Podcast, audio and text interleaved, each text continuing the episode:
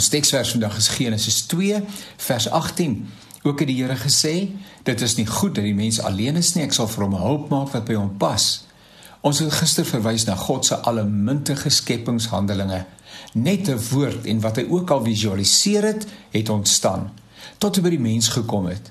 Miskien het God by homself geredeneer. Hier sal ek 'n bietjie tyd moet neem, nê? Ek moet mooi dink van wat is dit en wie is dit en waarom is dit dat ek met hierdie handeling wil besig wees? En met vernuftige vingers het God die eerste mens 'n uitdrukking van homself gemaak. En opgewonde het God na die mens gekyk, want dit was inderdaad goed. En soos God het Adam die behoefte geuiter om 'n gespreksgenoot te hê Ja, God het inderdaad in daardie behoefte probeer voldoen, maar daar het iets geskort. Adam sê iemand soos ek, dis sy versigtiging. Die Here luister na Adam se behoefte en skep vir Eva as 'n volwaardige gespreksgenoot vir Adam. Nou het Adam iemand om mee te gesels en die vreugdes van die lewe te deel. Iemand soos ek jubel Adam ekstaties oor hierdie gawe wat God na hom toe bring. Vandag vier ons die gawe van mekaar, van die ander in ons lewens. Want die mens is nie gemaak om alleen te wees nie. Nou, ons lees en dink oor hierdie stelling na binne die konteks van die huwelik en dit is ook sekerlik binne die huwelik van toepassing, maar dit is ook waar van normale interpersoonlike verkeer. Ons het ander mense nodig. Dis hoe ons gemaak is. Ons is nie geroep of bemagtig om kluisenaars te wees nie. Min mense kry dit reg en selfs al kry hulle dit sogenaamd reg, ontsê hulle hulle self van die rykdom van betekenisvolle verhoudings.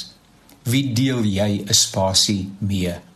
In konsentriese sirkels eers die mense naaste aan jou, jou ega, jou kinders, jou ouers, broers en susters, dan jou uitgebreide familie, neefs en niggies, ooms en tantes, oumas en oupas. Sê sommer nou dankie Here Wat en wie sou ek wees sonder hulle?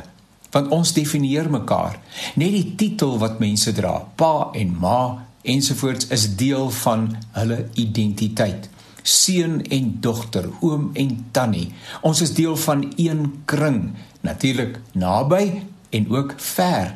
Want as die mense by die werkplek, kollegas, die mense by die kerk, medegelowiges, die mense in my omgewing, bure, die mense in die land, medeburgers, die mense in die wêreld, die mense wat leef en wat reeds gesterf het, die mense wat my kultuur verteenwoordig en my taal praat.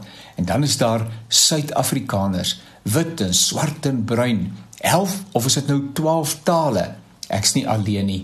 Jy's nie alleen nie. Vier die mense wat die lewe vol, mooi, betekenisvol, selfs uitdagend maak. Vier iemand in jou konteks vandag deur 'n opregte kompliment.